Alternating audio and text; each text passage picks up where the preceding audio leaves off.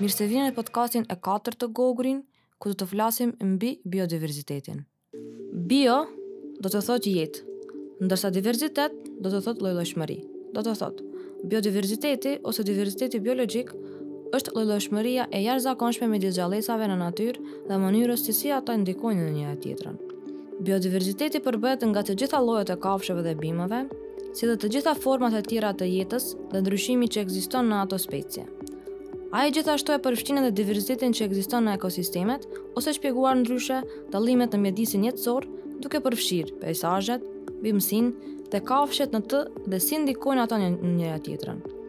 Biodiversiteti është shumë i ndërlikuar dhe shpesh shpjegohet si dallimet dhe ndryshimet në gjene, specie dhe ekosisteme. Biodiversiteti përbëhet nga të gjitha llojet e kafshëve dhe bimëve, si dhe të gjitha format e tjera të jetës dhe ndryshimit që ekziston në ato specie. Ajo gjithashtu e përfshin edhe diversitetin që ekziston në ekosistemet, ose shpjeguar ndryshe dallimet në mjedisin jetësor, duke përfshirë peizazhet, bimësit, kafshët në të dhe si ndikojnë ato në njëra tjetrën. Biodiversiteti është shumë i ndërlikuar dhe shpesh shpjegohet si dallimet dhe ndryshimet në gjene, specie dhe ekosisteme. Llojshmëria e begatë biologjike siguron ushqim ushqyes që hamë, ajër të pastër që e thithim dhe themele të forta për shoqërinë. E përmirëson përshtatshmërinë dhe rezistencën e botës natyrore ndaj sfidave urgjente siç janë ndryshimet klimatike.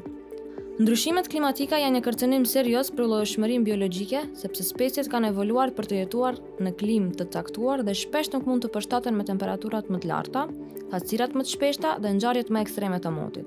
Mu për shkak të këtyre marrëdhënieve komplekse në ekosisteme, migrimi ose zhdukja e një specie do të rrezikojë në mënyrë të pashmangshme speciet e tjera. Shkalla aktuale e zhdukjes së specieve në të gjithë botën tashmë është 100 herë më e lartë se në epokën paraindustriale.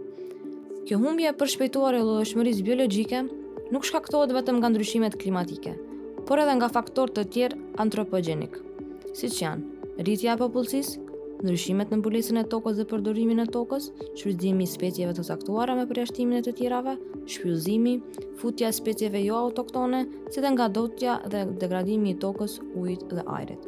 Raportet e fundit nga paneli ndërqeveritar për ndryshimet klimatike IPCC konfirmojnë se një përqindje e lartë e specieve në botë do të jenë në rrezik të shtuar nga zhdukja nëse nuk ndërmerren veprime për ta zbutur rrezikun dhe ato të përshtaten me ndryshimet klimatike.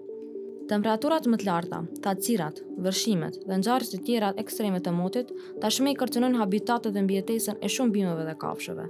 Rritja e temperaturës ndikon në kohën e riprodhimit dhe migrimit të bimëve dhe kafshëve, në shpërndarjen e specieve, në gjatësinë e sezonit të rritjes së të lashtave dhe shfaqjen e sëmundjeve.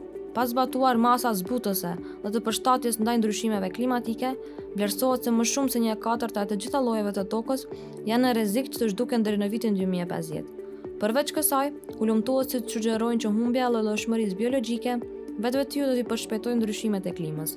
Humbja e llojshmërisë biologjike do të zvogëlojë produktivitetin e ekosistemeve ekzistuese që kanë evoluar dhe janë përshtatur me klimën lokale. Llogaritja e pasojave komplekse nga humbje të tilla në produktivitetin e ekosistemeve është një sfidë e madhe që kërkon zhvillimin e metodologjive dhe mjeteve të reja. Ende mungojnë shumë të dhëna për modelimin efektiv dhe vlerësimin e cenueshmërisë. Disa nga masat për përshtatje dhe zbutjen e efekteve negative të ndryshimeve klimatike mbi llojshmërinë biologjike do të ishin: përdorimi dhe menaxhimi më i qëndrueshëm i tokës, koordinimi dhe menaxhimi më i mirë i zonave të mbrojtura, përgatitja e strategjive gjithëpërfshirëshe për menaxhimin e ujërave, si dhe përdorimi i burimeve të rinovueshme të energjisë. Sektorët që kanë ndikim më negativ mbi llojshmërinë biologjike në vend janë bujqësia, peshkimi, energjetika, transporti dhe sektorët e tjerë. Bujqësia ndikon negativisht në biodiversitetin që nga mesi i shekullit 20, për shkak të tharjes së kënetave ose moçaleve dhe zgjerimit të madh të sipërfaqes së kultivuar, të shoqëruar me një rënie të gjallërisë. Peshkimi i tepërt është gjithashtu një kërcënim serioz për specie të ndryshme, si dhe për disa lloje endemike të peshqve, veçanërisht në liqenin e Ohrit.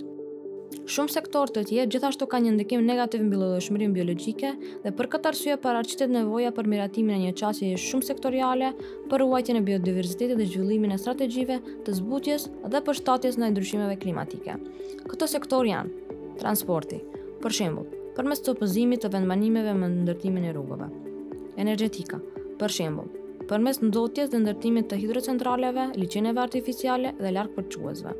Industria dhe xehetaria, për shembull, përmes ndotjes së tokës, ujit dhe ajrit. Turizmi, për shembull, përmes ndërtimit të paligjshëm të shtëpive verore, ndërtimit të infrastrukturës së pjesshme, hedhjes së mbeturinave etj. Ndërtimi, për shembull, përmes ridestinimit të përdorimit të tokës, shkatërrimit të habitateve të kafshëve dhe ndotjes të shkaktuar nga largimi joadekuat i mbeturinave. Biodiversiteti na furnizon me ushqimin që hamë, e pastron ajrin që e thithim, e filtron ujin që e pimë, na furnizon me lëndët e para që na duhen për të ndërtuar vendbanimet tona, na jep ilaçe dhe shumë gjëra të tjera. Ai e rregullon nivelin e ujit dhe i parandalon vërshimet, i dekompozon mbeturinat dhe i riciklon lëndët ushqyese që janë jashtëzakonisht të rëndësishme për prodhimin e ushqimit. Ai na mbron nga kushtet e panjohura në të ardhmen që do na i sjellin ndryshimet klimatike. Ne jemi të varur nga ekosistemet tona, i përshtatim vendbanimet dhe aktivitetet tona në përputhje me rrethanat. Ne jemi të varur nga ekosistemet tona, i përshtatim vendbanimet dhe aktivitetet tona në përputhje me rrethanat. Shumë njerëz, të tillë si fermerët, peshkatarët, biologët dhe ekspertët e turizmit varen nga biodiversiteti në mjedisin e tyre jetësor. Rëndësia e biodiversitetit shkon përtej vlerës së tij për ekzistencën e njeriut, por kafshët, zogjtë, insektet, bimët, mikroorganizmat, kërpurdhat dhe të gjitha organizmat e tjerë kanë të drejtën e jetës. Fatkeqësisht, jo gjithçka është e mirë për diversitetin e planetit. Biodiversitetit i kërcënohet zhdukja si kurrë më parë.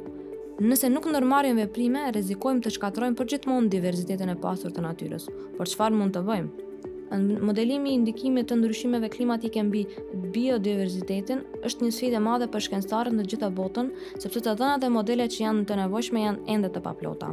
Drejtimi në të cilën do të shkojë përshtatja, migrimi dhe vazhdimësia e përbërësve të ndryshëm të llojllojshmërisë biologjike në një zonë ose rajon të caktuar varet nga faktorë shumë kompleksë dhe të ndërlidhur në mes vete.